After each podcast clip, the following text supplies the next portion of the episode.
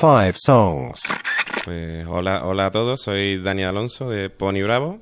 One, two, three, four, five songs. One, Este sí que fue un punto de inflexión, yo creo, en la cultura andaluza. two, Para nosotros el hecho de que canten en gallego tiene un punto espectacular. Y los gallegos, ahí también hay una ima- imaginación y una cap- capacidad de enfocar el hip hop y toda esa cultura mezclándola con otros géneros que es muy interesante. three, Tenían una libertad súper interesante que de hecho no- nosotros mismos con grupos de nuestra generación no casi nunca se ve. four, Era como Kraftwerk cuando empezaba, pero africano, digamos, ¿no? Por hacernos una idea. five, yo creo que todo eso influye. Entonces, por ejemplo, Zaz son un grupo que nos gusta mucho por eso, ¿no? five songs.